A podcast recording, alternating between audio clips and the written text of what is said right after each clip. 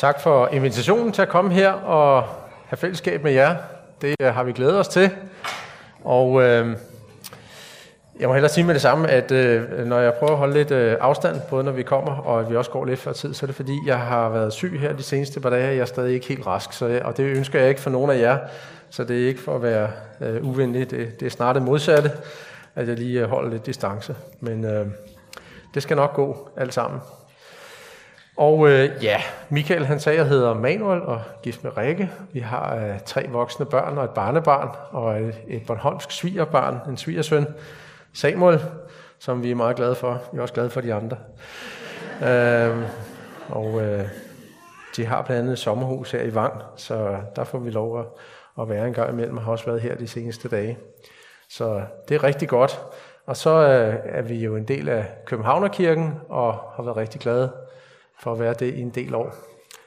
Og så, øh, ja, så kan jeg sige, at til hverdag, så arbejder jeg i noget, der hedder COVI, som er sådan en rådgivningsvirksomhed for, for ingeniører og arkitekter, der arbejder med, med kommunikation, og får lov også at komme ud og fortælle om noget af det, som, øh, som jeg læser i Bibelen, og som jeg tror Gud han gerne vil dele med andre, og heriblandt jer. Og den tekst, som vi skal være sammen om nu her, det står i Esajas bog, kapitel 40, Esajas bog, kapitel 40, og det er vers 1-8, og jeg foreslår, at vi rejser os og lytter i respekt for, hvad Gud har at sige. Det nytter ikke så meget, at jeg siger sidetallet, fordi jeg har nogle andre sidetal end de fleste andre. Men Esajas kapitel 40, vers 1-8, der står sådan her. Trøst mit folk. Trøst det, siger jeres Gud.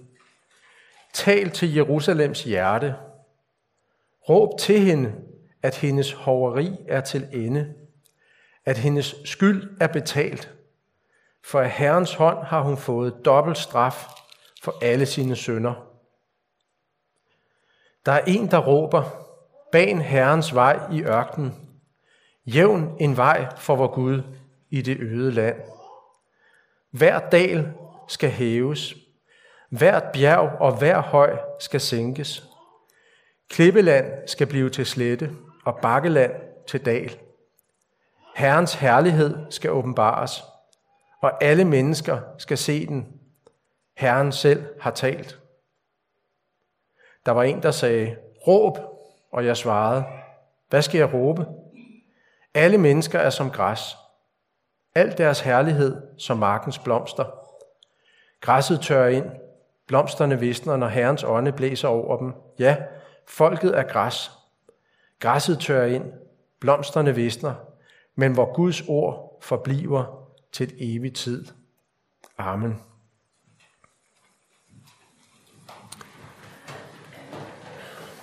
Lad os øh, bede sammen. Kære Gud og far i himlen, tak for, at vi kan få lov til at være sammen nu her. Tak for, at vi øh, lever i et land, hvor det er frit at samles. Tak for, at vi kan være under tag. Tak for, at der er varme i rummet. Tak for, at vi har fuld og helt adgang til dit ord. Livets kilde. Tak for, at du har lovet, at du vil være her. Vi tror, at du er her. Tak for, at du kender hver en, som er her. Tak for, at du har en inderlig omsorg for hvert menneske. Også for os, som er her. Tak for, at du ved, hvad vi hver især har brug for at høre i dag.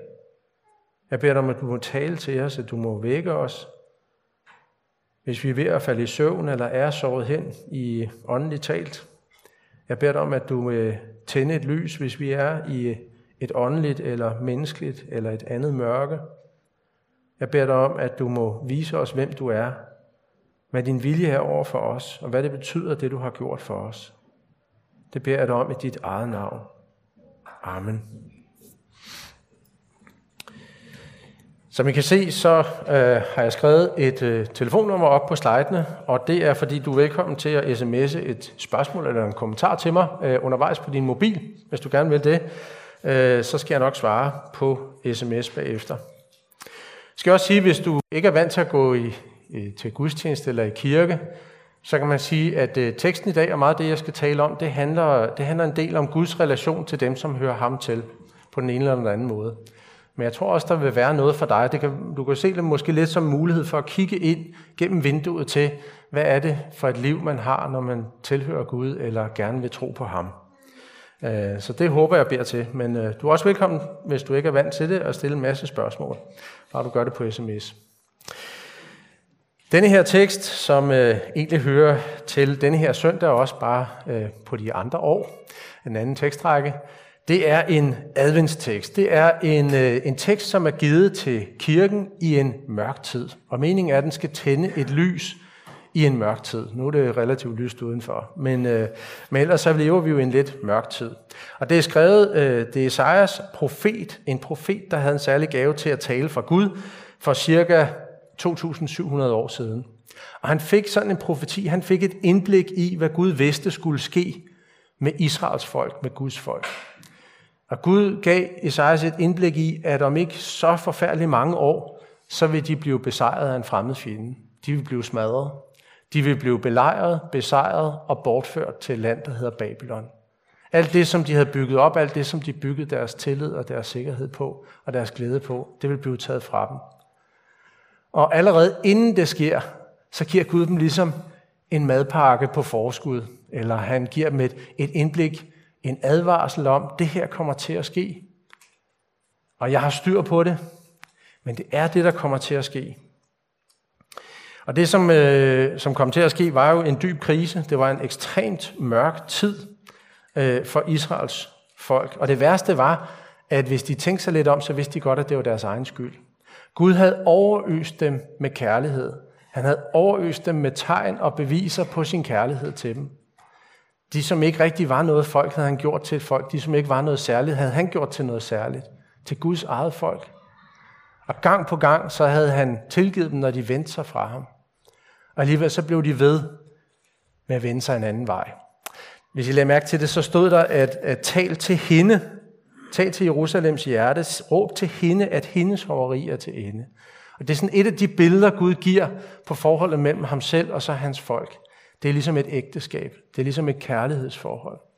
Og ligesom en, en overøsende, forelsket bejler har Gud simpelthen vist masser af beviser på sin kærlighed til sit folk. Og alligevel så vender hun sig om og er utro gang på gang på gang. Og derfor så øh, er øh, budskabet også til dem, at når det her sker, så er det jeres egen skyld. Det er fordi, I har vendt jer fra Herren, fra Gud. Øh, og samtidig siger Gud så, hvis I vil vende om til mig, hvis I vil tage det til jer, denne her hårde lektie, denne her øh, tugt, som jeg giver jer, så vil der komme en forløsning. Så vil I finde tilgivelse. Så vil jeg gribe ind. Så altså allerede inden det onde sker, så viser Gud, at det her det er ikke noget, der er uden for min kontrol. Og for det andet, selvom der kommer til at ske noget, som er ganske forfærdeligt og skrækkeligt i jeres liv og for jeres folk, så giver jeg et løfte om, at jeg vil gribe ind igen. For jeg har fuld kontrol over verdenshistoriens gang, og også jeres historiens gang. Og jeg elsker jer stadigvæk. Og derfor så sender jeg også midt i det, som er mørkt, en trøst. Og det er det, denne her øh, tekst også starter med. Trøst mit folk. Trøsten med, at jeg stadigvæk er i kontrol. Jeg stadigvæk elsker dem faktisk, selvom jeg straffer, selvom jeg tugter. Trøst mit folk. Trøst det. Mit folk. Gud har ikke, vi, vi fortryder mange gange det, som vi lover til Gud. Vi øh, holder ikke altid, hvad vi lover til Gud. Og vi øh, har det som mennesker med at vende os fra ham. Det er sådan ligesom vores medfødte naturlige tilbøjelighed. Men Guds tilsavn til os, det er der ingen og intet, der kan tage fra os. Og derfor siger han stadigvæk, mit folk. Selvom I ikke vil medkende mig, øh, jer mig, så vil jeg vedkende mig jer. Så dyb er min kærlighed til jer. Trøst mit folk. Gud, vi fortryder, Gud holder ved. Det her med trøst, det er noget, der er meget, det er faktisk meget centralt i det at være, øh, i, i det at være kristen, eller i Guds budskab til os. Det her med trøst. Øhm, trøst er jo ikke, at øh, alt er godt. Altså, trøst er ikke, at alt er godt. Trøst er, at selvom der er noget, som er sorgfuldt, hårdt, mørkt, svært, så er der også et lys. En, øh, jeg tror, at mange af jer, som er kristne, I har hørt om eller kender Luthers katekismus. Men der er også en, der er en anden katekismus, som er lidt mere kendt i andre dele af sådan den reformerede, øh, reformatoriske verden. Heidelberg-katekismen. Ja, det er jo noget, jeg har læst. Det er jo ikke, altså det er jo ikke fordi jeg er teolog eller kender så meget til det, men jeg synes bare, det var meget fascinerende, at det første, den katekismus starter med, den er skrevet af en, af en øh, teolog, der hedder Ursinus for 500 år siden cirka. Øh, det, er, det første spørgsmål, øh, som den stiller, det er, hvad er din trøst i liv og død? Hvad er din trøst i liv og død? Det er det vigtigste spørgsmål. Og så definerer Ursinus trøst sådan her, og det er lidt snørklet skrevet, men det bærer jeg over med. Trøst er det, som kommer ud af en bestemt proces, hvor vi sætter noget godt op imod noget ondt, hvor vi efter en passende vurdering af det gode, kan imødegå vores sorg og tålmodigt udholde det onde. Altså det, det betyder, det er, at trøst er, at vi ved godt, at der er noget ondt i vores tilværelse. Bibelen er realistisk, kristendom er realistisk. Der er noget ondt i vores tilværelse. Der er noget, der er mørkt. Men Gud tænder et lys i det mørke, og det lys er stærkere end mørket. Det er trøst. Det betyder ikke, at alle vores problemer er væk. Det betyder ikke, at al vores sorg er forsvundet. Men det betyder, at midt i vores sorg, og midt i vores mørke, så er der noget, som er godt, som er stærkere og dybere end det, som er mørkt og sorgfuldt. Og det gør, at vi kan udholde mørket. Vi kan udholde sorgen. Det er i hvert fald meningen, og det er også meningen med teksten her. Og denne her trøst, den ønsker Gud at give til sit folk. Det troløse folk. Gud er både som en elsker, han er også som en forælder. Og dem af jer, som er forældre, øh, tror jeg, kan huske, at når man har, hvis man elsker sine børn, og det gør alle ordentlige forældre, øh, så, øh, så kan det stadig godt være sådan, at man bliver vred på dem, fordi de ligesom ikke altid øh, opfører sig særlig pænt og ordentligt. Øh, og ikke altid gengælder ligesom den ordentlighed, man selv synes, man sætter øh, på spil over for sine børn. Og så kan man blive vred, og så i rette sætter man. Men det øjeblik, man har i rette sat, og barnet begynder at græde, hvad gør en ordentlig forælder så? så trøster man. Så trøster man. Hvis man er en ordentlig forælder, så er der intet, der kan stanse en fra at trøste sit barn, når det græder i anger. Sådan er Gud også. Hans kærlighed, hans trøst, den er som en mægtig flod. Jeg ved ikke, hvor mange af jer har været i, ved Grand Canyon. Det er der nogle af jer, der har været. Det er meget fascinerende, ikke? De her store øh, bjergformationer, klippeformationer. Gennem det hele, der bugter der sig en, en flod. Der er også bifloder og så videre, men Colorado-floden, den bugter sig. Den har gennem årtusinder boret sig vej gennem klippelandskabet. Fordi der er noget stærkt i det her flod. Selv den, det her bløde vand, når der er kraft nok i det, så kan det bore sig vej gennem klippen. Og sådan er Guds kærlighed til os. Den borer sig vej, den baner sig vej at den finder altid frem. Ikke fordi Gud er en svag forælder, ikke fordi han har et ønske om at være populær, men fordi han elsker. Ikke på grund af noget, vi har gjort for at fortjene det, men fordi sådan er Gud. og der er ikke nogen, der stopper forklaringen. Vi kan ikke sige, Gud er kærlig, fordi det er bare, der er nogle ting, der bare er sådan, som de er. Og sådan er Gud. Han er kærlig, og hans kærlighed har så dyb en kraft i sig, at den er pulslaget under hele vores tilværelse. Hvad er det for en, en trøst, Gud kommer med? Hvad trøster Gud med? Hvordan trøster han? Og hvad betyder det for os i dag? Det vil jeg gerne sige lidt mere om. Vi har allerede været lidt inde på det. Men for det første, hvad er det, Gud trøster med? En hver, der er Guds barn, virkelig er Guds barn, ved, ved nok om sig selv, ved nok om livet, og ved nok om Gud, at hun ved, at hendes lykke er uløseligt forbundet med Gud, med at være sammen med Gud. Et hver, der er Guds barn, ved, at der er ingen virkelig dyb lykke løsredet fra Gud og hans nærvær. Han kommer til os. Det ved et hver Guds barn. Det er vores lykke.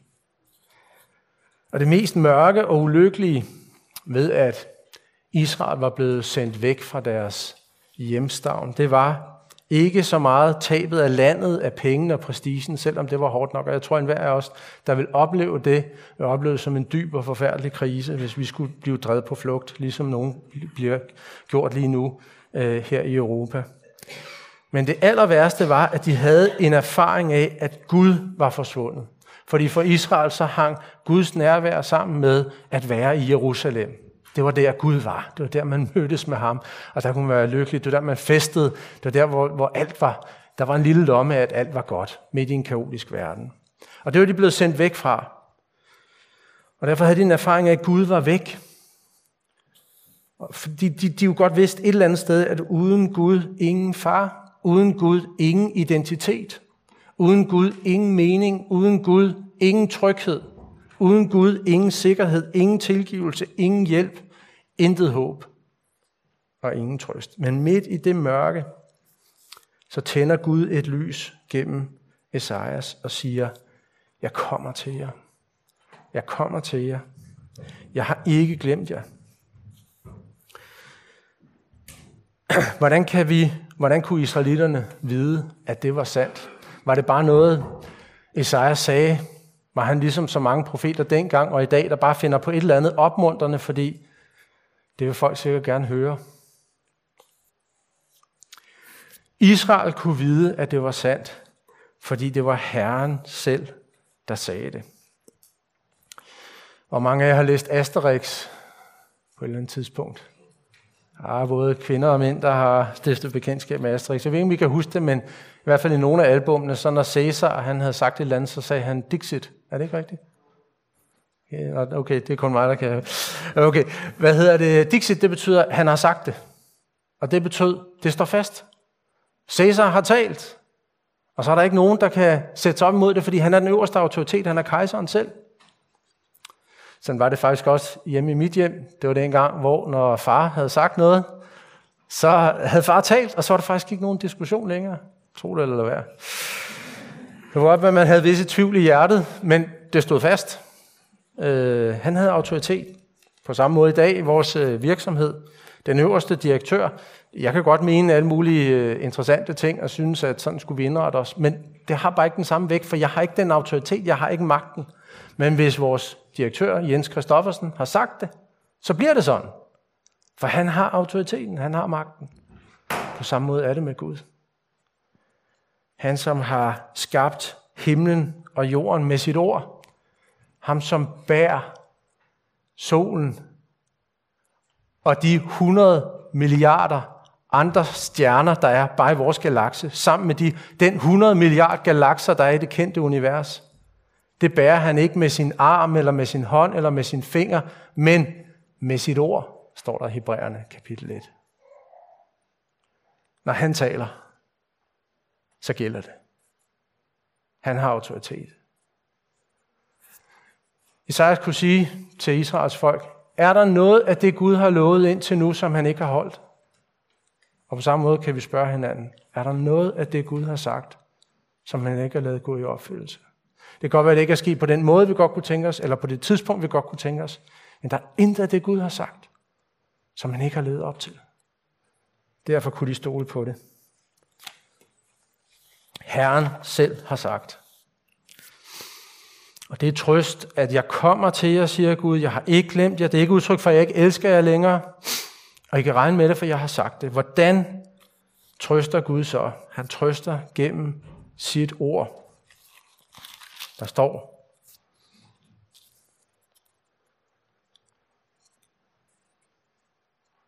Der står først om mennesker, og det er det, vi taler om før, at der er mange mennesker, der kan sige noget.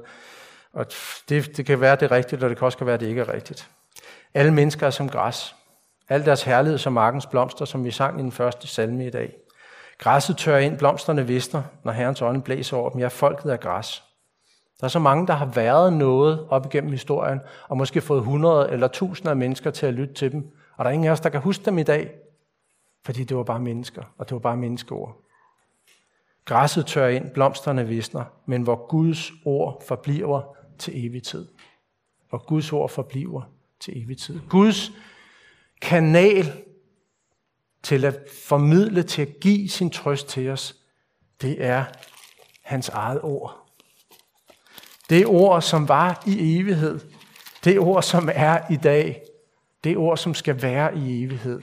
Det er det, han bruger til at formidle sin trøst til os i dag. Og det er derfor, at det eneste, der virkelig gælder, også hvad det, jeg siger i dag, det er det, som passer med det, der står her. Fordi det, jeg skal dø på et eller andet tidspunkt øh, inden for en overskuelig horisont. Og jeg er ikke vigtig, men Gud er vigtig. Det, det er kun det, Gud har sagt, som gælder. Men det gælder os. Det holder os. Det kan vi stole på. Og det er derfor, vi i vores sådan sammenhæng taler så meget om Guds ord. Fordi det er det, er det eneste, der holder. Vi er som græs, og der er så meget af det, der ser ud af noget, som bare er sådan, puh, og så er det væk. I forhold til de æoner, de tidsalder, som er i Gud, og som, hvor Gud har været, og den evighed, han skal være i. Der er så mange af vores sandheder, som forandrer sig. Altså, det er ikke øh, så øh, forfærdeligt mange over 10 år siden, at man mente, at sorte mennesker var øh, mindre intelligente og tættere på aberne end, øh, individet. Eller at kvinder var sådan en særlig hysterisk art, og derfor øh, kunne man godt tillade sig at se ned på dem og fortælle dårlige vidtigheder om dem. Øh, eller at cigaretter var som set slet ikke så skadelige, så også som gravid kvinde kunne man godt øh, ryge dem. Og det er bare for at give nogle eksempler, og så kunne man blive ved. Der har været så mange sandheder, som mennesker har sagt, som vi i dag siger, pff, og der er så meget af det, vi siger i dag, og som alle lige pludselig er enige om, at, at sådan er det. Sådan, sådan må det være. For det lige pludselig er sådan en bølge. Ikke? Og det står på Twitter, så er det sikkert rigtigt. Og det er bare, puff, og så er det væk. Det her, det kan vi, undskyld, det her, det kan vi regne med. Det her, det står fast. Det er ord, som bærer hele universet og bærer din tilværelse. Det kan du regne med. Det, der var før tiden begyndte, det, der er nu, og det, som skal være i evighed. Det ord, det har været gennem årtusinder, det har vist sit værd, og det bliver det ved med at gøre. Det er det ord, der talte til israelitterne, og det er det, der taler i dag og kan tale til dig, når Helligånden kommer og viser det til dit hjerte, til kraft og lys for os. Og det bringer mig til det sidste af de tre punkter, som var, hvad har det at sige til os i dag? Ursinus, han talte om trøst, og jeg tror også, at vi har brug for trøst i dag. Jeg tænkte lige, og jeg talte også med Rikke om det her i, øh, i morges, at øh, jeg, jeg kan godt, øh, jeg kan tit have ondt af mig selv. Ikke? Altså, jeg har lige været syg, så har jeg ondt af mig selv. Og jeg synes, der er nogle mørke ting i mit liv, og der er ting, jeg sørger over, der er ting, jeg, der kommer på, på, der er ting, der presser mig ned i mørket. Og så kan jeg sådan tænke, oh, jamen altså, så har det ligesom Israel. Så tænker jeg nogle gange, ja, okay, altså, jeg har det jo så godt på så mange måder. Ikke? Og så derfor tænker jeg også nogle gange, måske skal vi lige, forstår jeg, hvad jeg mener? Altså nogle gange, at jeg er lidt ligesom Job. Nej, du er nok ikke ligesom du har nok ikke ligesom fået frataget alt i dit liv, og øh, mistet alle dine børn, og øh, dødeligt syg, og hvad ved jeg. Så, så måske skal vi nogle gange holde lidt ting i perspektiv. Vi er ikke i landflygtighed, vel? Altså, jeg lå og rystede lidt af feber et par nætter siden, men i mindste var jeg ikke i en flygtningelejr i et telt nede i Polen, vel? Og mens de bombede mit hjem. Så det var bare lige, det var bare sådan en lille, lille indskudssætning. Måske skal vi nogle gange også lige værdsætte, selvom jeg også gerne vil tale om, at der er nogle ting, der er mørkt. Det, det, det tager jeg også rigtig alvorligt. Der er ting, der kan være rigtig svære, også som velfærdsdansker. Men lad os lige holde tingene i perspektiv nogle gange også. Ikke? Og give nogle penge, så de kan få noget hjælp. Godt. Men alligevel, så er der også ting i vores tid, som kan være mørke. Hvis man kigger på kirken i Danmark og i Vesten, så er der nogle ting, som virker, som virkelig kan gøre en ked af det. At, øh, at det er ligesom om, det går tilbage. At øh, der er mange, der hopper på ting, som græsstrå går og siger. Både i vores samfund, hvor perversioner bliver ophøjet til noget helt fantastisk, og vi skal bare alle sammen gøre, som vi har lyst til. øh, eller ind i kirken, hvor der også er, hele tiden bliver stillet tvivl ved også det, der står i Guds ord. Og man har sådan på fornemmelsen, det er ikke sådan ud nødvendigvis at tro på Gud. Fordi det kan man, man kan godt indrømme en fejl, at noget, man har læst forkert, men det er mere sådan, det ville være rart, hvis Gud sagde noget andet, fordi det er lidt ubehageligt, at han bliver ved med at sige det samme, selvom det måske er sandt. Så der kan være ting i kirken, som gør os kede af det. Der kan være ting i verden, som gør os kede af det. Øh, 340 millioner kristne lige nu lever i styre, der på den ene eller den anden grad er præget af undertrykkelse og forfølgelse.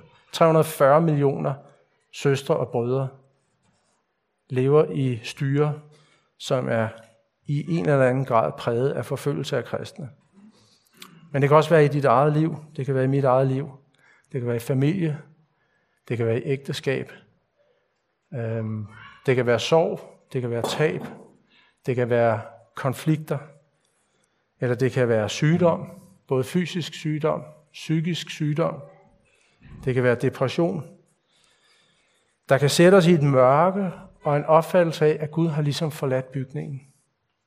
Hvor er Gud henne? Øh, og det værste er, at vi ved, at vi har synd. Og hvis, øh, hvis Gud skulle betale os, som vi havde fortjent, så vil det her være bare en lille bitte del af straffen. Jeg tror, at vi alle mennesker oplever en eller anden grad af mørke i vores liv, og at vi også har brug for tilgivelse og for trøst. Den trøst, som kun Gud kan give. Og trøst, lad os lige huske det, det er ikke, at alt bliver godt. At problemer forsvinder. Men trøst er, at midt i det, som er mørkt, og det, som er svært og sorgfuldt, så minder Gud os om noget, som er godt. Så godt, at det giver, at vi kan være og blive i det her liv, også med mørket. Og hvad er trøsten? Det er den samme trøst til os, som var til Israels folk dengang. Gud har sagt i sit ord, jeg vil ikke lade dig i stikken. Jeg kommer til dig. Jeg kommer til dig, jeg vil være sammen med dig, jeg vil have, have nærvær og have fællesskab med dig. Gud kommer til os og siger, jeg tilgiver. Når du angrer, så tilgiver jeg, og så tager jeg dig i min favn igen. Gud siger, I er ikke glemt. Du er ikke glemt. Han ser alt, hvad der sker i dit liv. Han elsker dig. Du er ikke prisgivet sådan, hvad der nu lige sker på børsmarkederne, eller i dit liv, eller hvilken diagnose du får. Gud han har fuldstændig styr på det, ligesom han havde styr på verdenshistorien, ligesom han har styr på universet, så han har også styr på dit liv. Det er i hans hånd. Det kan du vide, for det har Herren selv sagt i sit ord. Og alt, hvad han har sagt, og alt, hvad han har lovet, det har han holdt, og det vil han holde. Hvordan kan vi vide, at Gud elsker os? Det kan vi vide. Dels bliver vi meget velsignet, det vil jeg våge påstå, men det kan vi ultimativt vide, fordi han gav os sig selv. Fordi han kom og bar vores synd på sig. Det er fordi han kom og bar det yderste mørke på sig, for at vi skulle få lov at få tilgivelse, for at vi skulle få lov at få evigt liv. Og de to ting, Guds tilgivelse og Guds nærvær, eller de tre ting, Guds tilgivelse, Guds nærvær og det evige liv, det er det vigtigste. Og uanset hvad du oplever i dit liv, så er der ingen og intet, der kan tage det fra dig. Sådan kommer Gud os nær. Øh, da jeg lå og var syg her øh, for alvor, kan man sige, så øh, kom jeg til at tænke på dengang jeg var lille. Øh, jeg kan ikke huske så meget sådan øh, nærvær og samspil med min, med min far. Øh, vi, jeg synes ikke, vi, vi var ikke sådan nødvendigvis så nære, men jeg kan godt huske det der med at være oppe på hans skulder, øh, når jeg var syg. Og den følelse af tryghed, det var, at selvom der var feber, jeg var tit syg, da jeg var barn, Øh, og så gå, øh, ligge med hovedet op på hans skulder, og mærke den der store krop, den der store, stærke, varme krop, det der nærvær af en kærlig far. Det var jo utrolig godt og utrolig dejligt at vide, eller sådan at erfare, midt i, at jeg havde det dårligt. Og på samme måde er Guds ord også til os en påmindelse om, at vi får lov til at være op på hans skulder med det, som det nu er, vi bærer på i vores liv. Og så lover han os endnu mere, fordi der står her, at en dag, så skal Herrens herlighed åbenbares, og alle mennesker skal se den. Ikke kun, ikke kun os, som tror i dag, men alle mennesker skal se, at Gud er Gud. Og det er egentlig det, øh, vi ser frem til som kristne også, at alle skal få lov at se det. Og så har jeg sådan en sidste ting, fordi jeg tænker også, øh, øh, nogle gange så kan det måske blive sådan lidt åndeligt, det her budskab. Ikke? Sådan, man skal forestille sig det hele. Øh, måske skal du være en skulder. jeg tror, vi, vi er også sat her for at vise Guds nærvær til hinanden. For at give hinanden et, et helt konkret fysisk kram en gang imellem. Og måske dem, især til dem, som ikke af sig selv får øh, så mange af dem. Øh, så det hele ikke bliver så øh, alt for luftigt. Måske skal du også den her jul være et lys for en, som har brug for det lys i mørket. Og måske kunne det også være, at når du har taget det her til dig, og har trøstet dig ved det, og har glædet dig over det, så overvej også, hvordan kan jeg også være en skulder for et andet menneske? Fordi det tror jeg faktisk, at vi er Guds lægeme her på jord øh, for hinanden. Hvordan kan jeg tænde et lys for en, der vandrer i mørket? Lad os bede sammen. Kære Gud og far i himlen, tak for den du er, og tak for det du har gjort. Tak for det du har sagt og det du lover. Tak Jesus for, at du kom for at vise os, at Gud elsker os og vil, at vi skal være glade og trøstning, fortrøstningsfulde i dig. Tak for, at du lyser i mørket, og mørket kan ikke få bugt med det. Vil du lyse ind i vores advent og ind i vores jul og ind i vores liv. Og vil du give os at blive fyldt af det lys og lade det flyde over til andre. I dit eget navn. Amen.